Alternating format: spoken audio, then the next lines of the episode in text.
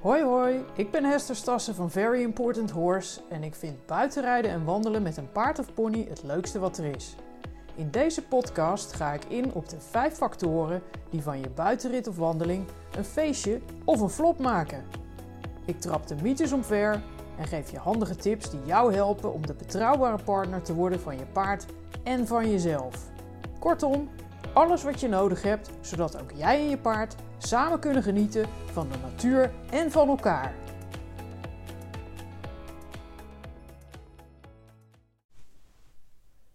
Welkom bij deze derde aflevering van Ontspannen buitenrijden en wandelen met je paard, de podcast. Superleuk dat je weer luistert. Aan het eind van de vorige aflevering zei ik het al. Mogelijk ga ik de volgende keer dieper in op een van de vijf factoren die van je buitenrit of wandeling een feestje of een flop maken. Maar het kan ook zijn dat er iets anders naar boven komt borrelen waar ik het eerst over wil hebben. En je voelt de bui waarschijnlijk al hangen. Er is inderdaad iets anders aan de kook geraakt in mijn hersenpan. Namelijk het waargebeurde verhaal van een buitenrit die ik jaren geleden heb gemaakt en waarin mijn allergrootste buitenrijdblunders verzameld zaten. Het gaat om mijn avontuur met Bonfire. En dat is de naam die ik mijn vorig jaar helaas aan koliek overleden vierbenige maatje Levi had gegeven om paardenprivacy technische redenen. Ik heb dat avontuur een tijdje terug als blog op mijn website en op de social media gepubliceerd. Maar ik vond dat het in deze podcast eigenlijk niet mocht ontbreken. En waarom niet?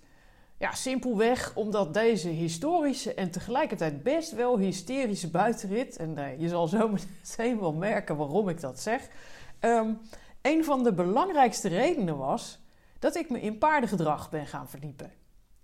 En dit verhaal speelt zich zo'n tien jaar ongeveer geleden af. En dat was dus voordat ik me echt ging verdiepen in paardentaal, paardengedrag, uh, hoe je betrouwbaar partnerschap opbouwt met je paard en jezelf. Nou ja, al dat soort dingen. Dus ja, nou ja, um, hier komt het. Het verslag van die historische, dan wel hysterische buitenrit met Bonfire.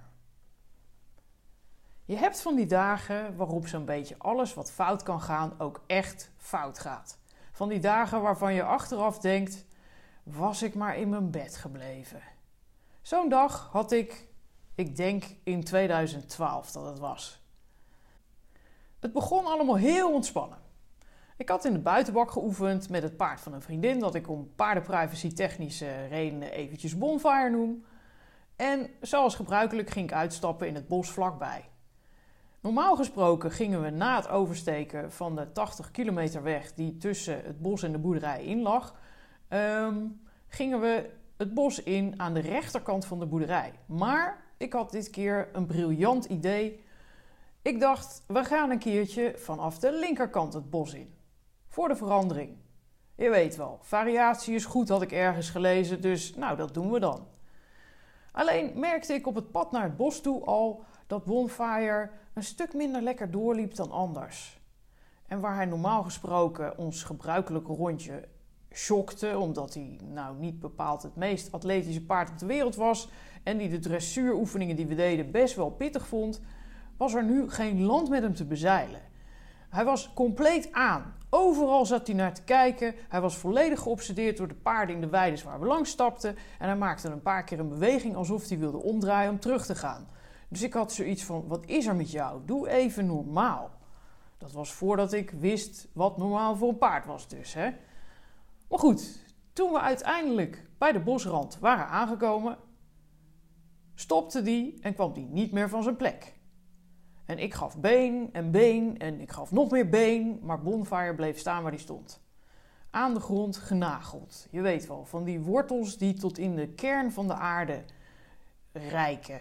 En, en, en daar ook vastgeklampt zitten of zo, weet ik veel. Paarden kunnen van die grondankers hebben. Niet normaal. Je krijgt ze gewoon niet van hun plek. Terwijl als je dan omdraait, nou dan uh, kunnen ze weer wel wandelen. Maar goed, um, nou ja, ik gaf dus been en zo nu en dan uh, zette hij dan twee stappen vooruit en draaide zich vervolgens vliegensvlug om, zodat zijn neus weer in de richting van de boerderij stond. En uh, ja, wat ik net al zei, die richting uitstappen was dus ook geen enkel probleem. Oortjes naar voren en gaan maar. Alleen het bos in, ja, dat stond dus niet op het menu die dag. En omdat ik op dat moment niet heel erg lenig was en een paar kilootjes meer met me meezulde dan nu, wist ik dat als ik zou afstijgen, ik echt never nooit meer in het zadel zou komen. Dus bleef ik zitten terwijl ik nadacht over hoe ik die stomme knol het bos in zou krijgen. En zo kwam ik op het briljante idee dat ik Bonfire misschien makkelijker de goede richting op zou krijgen als ik hem eerst een stukje de verkeerde kant op zou laten gaan. dus terug in de richting van de boerderij. Daarheen liep hij tenslotte als een kieviet. En oké, dus ik ging eerst richting de boerderij, toen weer terug. En toen leek hij inderdaad hartstikke goed het bospad op te wandelen. Ik juichte inwendig. Super de super. Alleen vijf meter het bospad in, stond hij weer stil. En ja, ehm, ik gok dat je, als je deze situatie ook wel eens hebt meegemaakt, waarschijnlijk dezelfde reactie had als ik. Dan begin je aardig te koken aan de binnenkant van je lichaam en je hoofd. En ja, eh, Bonfire die kon zichzelf meestal wel prima voortbewegen in de bak. Ehm, dus ik had ook nog nooit een zweep nodig gehad bij het rijden. Dus die had ik nu ook niet bij me.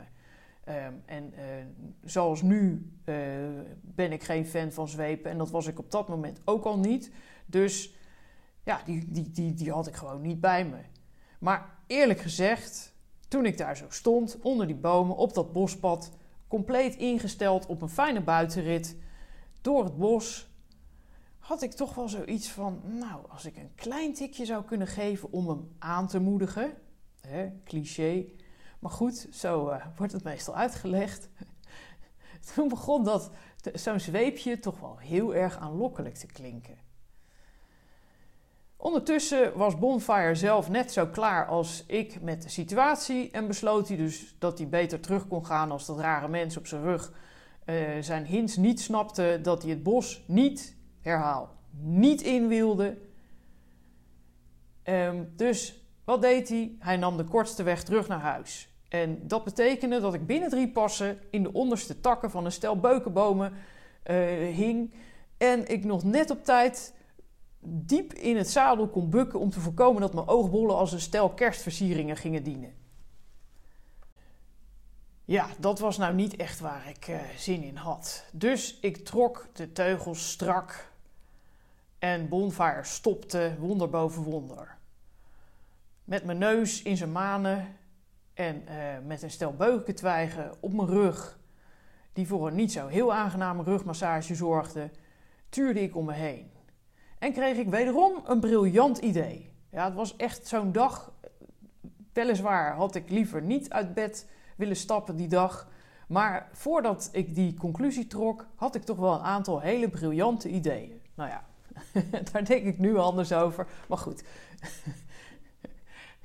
ik bedoel, ik hing al in de takken. Dus ik dacht, wat als ik nou eens zo'n takje afbreek? Dan heb ik een soort van zweepje. En wie weet kan ik hem dan wel in beweging krijgen. En kunnen we wel die fantastische buitenrit die ik in mijn hoofd heb maken. Dus ik kreeg echt zo'n, weet je wel, zo'n tekenfilm grijns op mijn gezicht. en ik ging aan de slag om al liggend over de rug en uh, de nek van Bonfire een twijg die lang genoeg was los te frikken van de rest van de beuk. En dat ging niet zo gemakkelijk. Ik weet niet of je wel eens een keer een, uh, een tak van een boom af hebt proberen te krijgen als het geen dode tak is. Nou, dat uh, gaat niet zo makkelijk. Dan ben je wel een tijdje aan het draaien en het trekken en aan het doen. Dus uh, ja, dat, uh, dat duurde wel even. Maar Bonfire vond het helemaal prima. Die bleef onder de boom staan, want daar hingen een heleboel blaadjes lekker voor zijn neus te bungelen. Dus ehm, ja, dan had hij dus mooi eh, low-hanging fruit voor zijn neus, dat hij gelijk even kon verorberen. Alsof hij nog niet genoeg had gegeten de hele dag op de wei. Maar goed, een paard is nou eenmaal gemaakt voor 24-7 ruwvoer uh, uh, consumptie. En uh, ja, dan doen ze dat ook, hè. Dus ik had die beukentak eindelijk los. Vervolgens had ik eindelijk alle zijtakjes eraf gepeuterd. En had ik zoiets van, nou oké, ik ben er klaar voor. Dus ik richtte Bonfires hoofd in de richting van het bospad duwde nog eens een keertje mijn hielen in zijn flanken om te kijken of hij nu wel zou reageren. Uh-uh, bleef dooreten. En dus gaf ik hem een tikje met mijn zelfgemaakte zweepje op diezelfde plek op zijn flank. En ik zweer het je, het was maar een tikje. Alleen, Bonfire explodeerde. En schoot als een Engels voelbloed uit het starthokje het bospad op. Het was echt, ik, ik, ik, ik lieg niet, alsof we gelanceerd werden. En ik weet echt nog steeds niet hoe ik het voor elkaar gekregen heb om te blijven zitten. Misschien dat het hielp dat ik al half over zijn hals heen hing. Dat ik daardoor wat meer stabiliteit had. Maar ehm, ik slaagde erin en vervolgens bleek hij te kunnen sprinten. Echt, ik had het er net over dat hij niet zo'n atletisch paard was. Nou, dat kon ik op dat moment wel compleet anders inschatten. Het was bizar hoe hard die gast ging. Niet normaal. En nou droomde ik er al sinds ik klein was van om door het bos te galopperen met een paard. Maar dit was toch niet helemaal hoe ik het in gedachten had. Want mijn op hol geslagen wannabe renpaard reageerde op geen enkel signaal dat ik hem met mijn teugels, mijn stem, mijn zit en mijn benen gaf. Maar hij koerste als een dolle idioot verder en verder en verder het bospad op en het bos in. Terwijl in mijn hoofd kwam dat in datzelfde bos heel vaak ook mensen aan het wandelen waren met hun hond of hun kinderen of allebei. En hij vertraagde ook na 100 meter nog op geen enkele manier.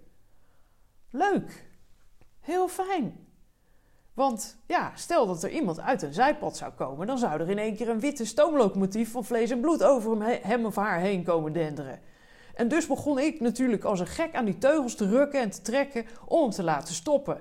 Echt, ik stond op een gegeven moment rechtop in de beugels, met de teugels compleet strak en nog gebeurde er niets. Nee, Bonfire had het bit stevig tussen zijn tanden en race gewoon door. En dus hoopte ik dan maar dat het donderende geraas van zijn grote hoeven waarschuwing genoeg zou zijn maar ja, of een klein kind, dan wel een hond, zou beseffen wat dat aanzwellende gerommel in de verte betekende, ik had er zo mijn twijfels over. Ondertussen naderden we in volle vaart de andere kant van het bos. En dat was een afstand waar ik te voet normaal gesproken, denk ik, zo'n 20 minuten of zo over deed.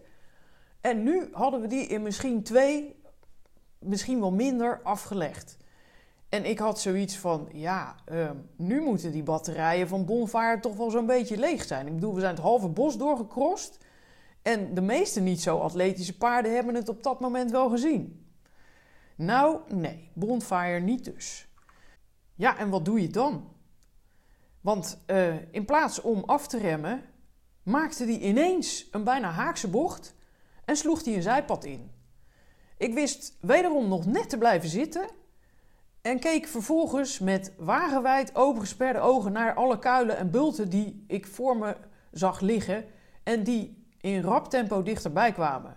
Want waar waren we terechtgekomen? Op het bospad waar motocrossers heel graag hun springkunsten oefenden.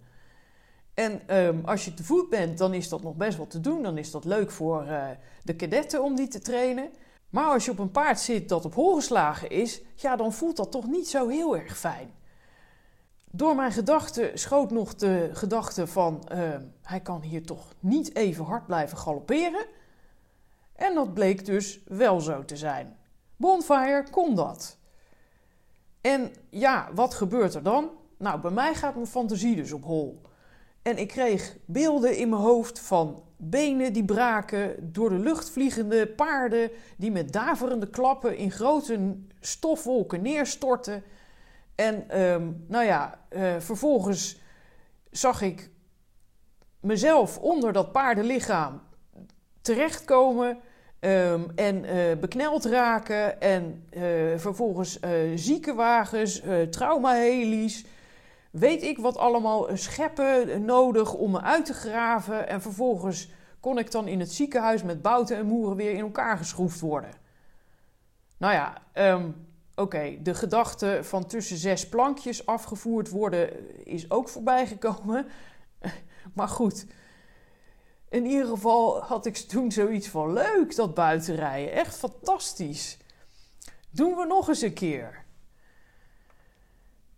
En uiteraard hielpen die gedachten me niet bepaald om ehm, rustig te worden. Ehm, ik had echt mega paniek, want ja, ik bedoel, ondertussen begonnen de golven onder me ehm, toch wel heel hoog te worden. Eh, en, en Bonfire rende maar door, rende maar door. Het leek wel alsof hij vloog over die bulten en kuilen. Het was niet normaal.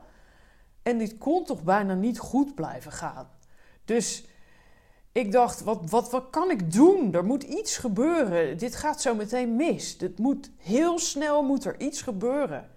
Dus ik ging in koortsachtig tempo mijn boekenwijsheid na. Ik heb echt vanaf dat ik klein was gigantisch veel boeken verslonden over paarden en paardrijden. Ik mocht namelijk niet paardrijden, dus ja, dan moet je iets. En daar moest toch wel iets in hebben gestaan wat op zo'n situatie van toepassing was. Dus ik zat mezelf echt helemaal blauw te denken. Er moet iets zijn. Denk, denk, denk, denk, denk. Er moet iets zijn. En toen kwam er ineens een stukje tekst bovendrijven uit een boek over westernrijden, geloof ik dat het was. Maar goed, het was in ieder geval de One Range Stop. Ehm, en ja, dat is dus je paard laten halt houden door met beide handen een teugel vast te grijpen en je paard dan in een steeds kleinere volte te trekken totdat hij stilstaat. Dat klonk als een heel goed plan. Alleen zat ik op dat moment dus op een pad dat hooguit 2 meter breed was en als een soort zee voor me golfde. En aan weerszijden van dat hooguit 2 meter brede pad waren hele dichte bomen en struiken. Dus ja, dat was leuk, zo'n cirkel rijden. Nou, dat kon ik wel vergeten. Dat paste gewoon echt never, never, nooit. Dus we bleven doordenderen. En ik zag tot overmaat van ramp ook nog eens in de verte een man met een hond richting dat gezellig golvende bospad lopen. En ik weet niet hoe het kwam, of dat door die man kwam, of door uh, de tak die de hond in zijn uh, uh, bek had, of door iets anders. Maar ineens realiseerde ik me: hé, hey, wacht even. Ik heb dat beukentakje nog steeds in mijn hand. Wie weet is dat ook een plan. Want ja, Bonfire had daar natuurlijk gigantisch heftig op gereageerd. Wie weet hielp het als ik het weg zou gooien. Dus deed ik dat. In een grote boog gooide ik het van me af. En inderdaad, leek het heel even alsof Bonfire een fractie vertraagde zodra dat takje in de bosjes was geland. Alleen om nou te zeggen dat het echt heel veel was, nee. Dus ehm, ja, we bleven doordenderen. En ondertussen had die man ons in de gaten gekregen. En hij zwaaide vrolijk. Um, zijn hond had ons ook gezien. Die begon vrolijk te blaffen. Ook leuk, want Bonfire was al heel erg gek op honden als ze niet blaften. Niet. Dus nog veel minder gek op honden als ze wel blaften. Dus ik begon te roepen, keihard. Pas op, pas op, blijf aan de kant, pas op, niet oversteken, blijf aan de kant. En kennelijk was mijn volume hoog genoeg, want de man stopte. Of misschien had hij de hint gekregen van het feit dat wij zo ontzettend hard op hem afkwamen stormen. Want het volgende moment waren Bonfire en ik hem alweer voorbij. Dank je, riep ik over mijn schouder. En ik wist nog net op tijd een bos manen vast te grijpen toen Bonfire alweer een bocht naar rechts maakte en nu een ander pad inschoot. Waar in de verte een breder en vlakker stuk gloorde. Dus ik had zoiets van: yes, eindelijk ruimte. En greep, zodra we op dat bredere en vlakkere stuk kwamen, gelijk die rechterteugel vast, trok hem met alle macht naar me toe en duwde tegelijkertijd mijn rechterkuit in zijn flank. En millimeter voor millimeter boog Bonfires bijzonder brede hals naar rechts. En daardoor werd ze een rechte lijn, een flauwe bocht, een boog, een cirkel, een spiraal die steeds verder naar binnen spiraalde. En werd ze een rengalop, een gewone galop, een pittige draf, een gewone draf, stappen en stop. En daar stonden we. Allebei te hijgen als een stelletje blaasbalgen met astma en te trillen op onze benen. Lekker aan het rijden hoorde ik achter me. En ik keek over mijn schouder, had een, scheldwoord op mijn lippen. Maar ik zag daar de man met de hond staan en wist die, die, die scheldkolonnade nog net uh, te bevriezen op mijn, uh, in mijn mond. En gelukkig stond de man met de hond op een afstand die Bonvaar wel aankon, want die gezellige chocoladebruine Labrador was nog steeds lekker bezig om zijn stembanden te trainen. Nou, het ging eigenlijk een beetje te hard, wist ik uit te brengen met een heel dun stemmetje dat een omaatje van 96 niet had misstaan. Voordat de man kon reageren, besliste Bonfire dat hij lang genoeg in de buurt van uh, de blaffer had gestaan en zette hij zich weer in beweging. Gelukkig in draf dit keer en niet in galop. Dus dat scheelde al een hele slok op een borrel. En gelukkig kwam die ook zelfs na een paar honderd meter terug naar stap en ging de terugreis een stuk gecontroleerder dan de heenreis. En het was ongelooflijk, maar Bonfire stopte zelfs op de gebruikelijke stopplek aan de rand van het bos, ruim van, voor de 80 kilometer weg, zodat ik kon afstijgen en we samen te voet konden oversteken naar de boerderij. Want kennelijk waren zijn batterijen dan toch eindelijk leeg op dat moment. En toen kwamen we dus het erf opgewandeld. En Bonfire's eigenaresse was net toevallig buiten. Ik denk dat ze eh, de paarden eten aan het geven was of zo. En die keek heel verbaasd op toen ze mij aan zag komen met de bijzonder verwilderde blik in mijn ogen. En de groene vegen op mijn gezicht, op mijn armen, mijn kleren. Plus de verzameling blaadjes, rendiermos, dennennaalden, spinnenwebben en takjes in mijn haren. Nou ja, ehm, zeg maar waar die dan onder de cap uit uh, kwamen. Maar goed, een flauwe kopie bleek daar overigens van in mijn ondergoed te zitten, zoals ik later bemerkte toen ik naar het toilet ging.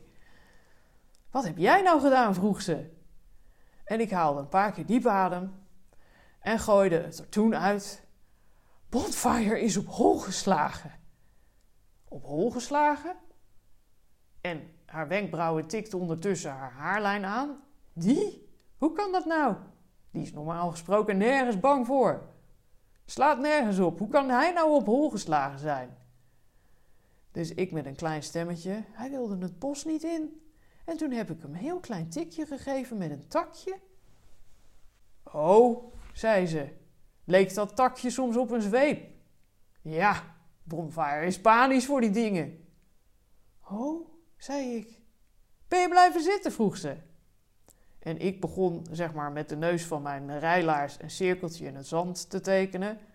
Nou, met pijn en moeite. Het is net gelukt. Nou, dan is het toch goed afgelopen, zei ze. En dat was natuurlijk ook zo. En realiseerde ik me dus ook dat ik enorm veel geluk had gehad die dag.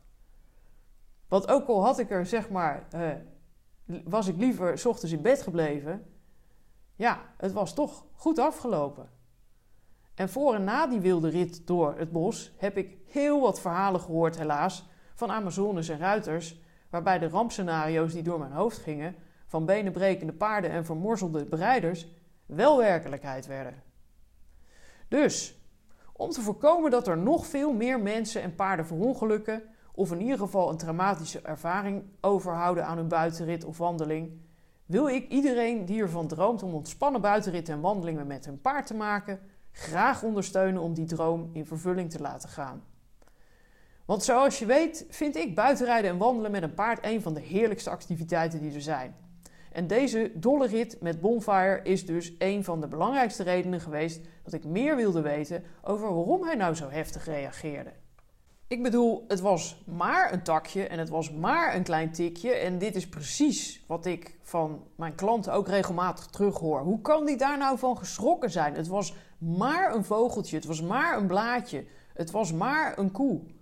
Ja, hoe kon dat tikje zo'n enorme explosie veroorzaken? Dus ben ik me gaan verdiepen in het hoe en wat van paardengedrag. Uh, ben ik gaan uitpluizen welke signalen paarden geven via hun lichaamstaal. Om je te vertellen dat ze iets spannend vinden of iets niet willen. En ben ik natuurlijk ook gedoken in de invloed van de Amazone of de ruiter op het paard. En daarbij ook nog eens wat er gebeurt als je je paard niet helemaal of helemaal niet tegemoet komt in zijn natuurlijke behoeften. Um, en wat dat met uh, zijn brein doet en met zijn lichaam. En zoals je ondertussen al hebt gemerkt, deel ik die kennis heel graag. Onder andere via deze podcast. En ik blog er graag over. Ik uh, geef regelmatig online masterclasses over ontspannen buitenrijden en wandelen met je paard. En ik uh, begeleid uiteraard ook met heel veel plezier Amazones en ruiters die van hun buitenritten en wandelingen feestjes willen maken. Overigens ben ik ook nog bezig met een boek waarin ik nog heel veel meer handige weetjes en tips in heb gezet die jou en je vierbenige maatje op weg gaan helpen als jullie willen buitenrijden of wandelen. En de voorloper van dat boek, het enorm uitgebreide e-book Ontspannen buitenrijden en wandelen met je paard. Ja, het is eh, geen originele titel meer, maar ik gebruik hem gewoon overal voor. Um, dat e-book dat is nu al verkrijgbaar via mijn webshop, die je vindt op veryimportanthorse.nl. Je kan hem ook via .com bereiken, maar goed, um, dit is de directe link naar de webshop. Dus als jij een heleboel meer wil weten over buitenrijden en wandelen op een veilige manier, op een fijne manier, op een leuke manier, dan is dit volgens de mensen die het e-book al hebben aangeschaft echt een aanrader. Want alles wat ik deel en alles wat ik doe is bedoeld om jou te helpen om niet dezelfde blunders te maken die je in mijn historische, hysterische rit hebt horen langskomen. En waarschijnlijk heb je er al een aantal herkend, misschien ook niet. Ehm, dan eh, heb ik goed nieuws voor je, want mijn plan is om de volgende podcast met de billen bloot te gaan en te vertellen wat ik allemaal anders zou doen met de kennis van nu. En dat is best wel veel. Dus ehm, heel leerzaam, vind ik dan. Ehm, en alles wat jij kunt voorkomen, dat is mooi meegenomen. Want ja, je wil gewoon niet wensen dat je die ochtend niet uit bed was gestapt. Je wil gewoon een lekkere, ontspannen buitenrit of wandeling maken met je paard. Lekker samen genieten. Dus ehm, als ik daar een steentje aan kan bijdragen, dan doe ik dat graag. Overigens, heb jij een onderwerp waar je meer over zou willen weten? Stuur me dan vooral even een berichtje, want dan hoor je dat binnenkort ongetwijfeld terug in een van de komende afleveringen. Hoe dan ook, volgende keer ga ik het dus hebben over wat ik allemaal anders zou heb, hebben gedaan in deze hysterische buitenrit.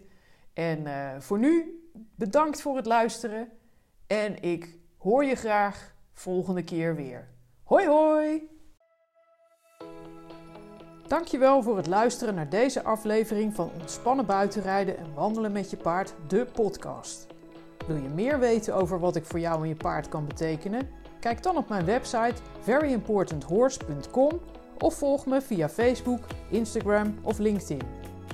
Ben je geïnspireerd geraakt door deze podcast en wil je automatisch een seintje krijgen wanneer de volgende aflevering verschijnt? Abonneer je dan door in je podcast-app op volgen te klikken. En natuurlijk word ik heel blij als je me 5 sterren geeft in diezelfde app of daar een enthousiast review schrijft. Maar ik word net zo blij als je de aflevering deelt via je social media natuurlijk. Denk je dat een van je paardenvriendinnen of vrienden net zo geïnspireerd zou kunnen raken van deze aflevering als jij? Stuur haar of hem dan graag even de link door. Zo zorgen we er samen voor dat meer en meer mensen kunnen genieten van ontspannen buitenritten en wandelingen met hun paard of pony. Wil jij nog beter en sneller leren ontspannen? Vraag dan de gratis spanningschecklist aan via mijn website veryimportanthorse.com. En uiteraard help ik jou en je paard ook graag live bij jullie op de locatie of op afstand om jullie eerste en volgende stappen te zetten op weg naar ontspannen wandelingen en ritten. Mail me via hester at veryimportanthorse.nl of stuur me een berichtje via Facebook, LinkedIn of Instagram. Ik wens jou en je paard heel veel fantastische ritten en wandelingen toe.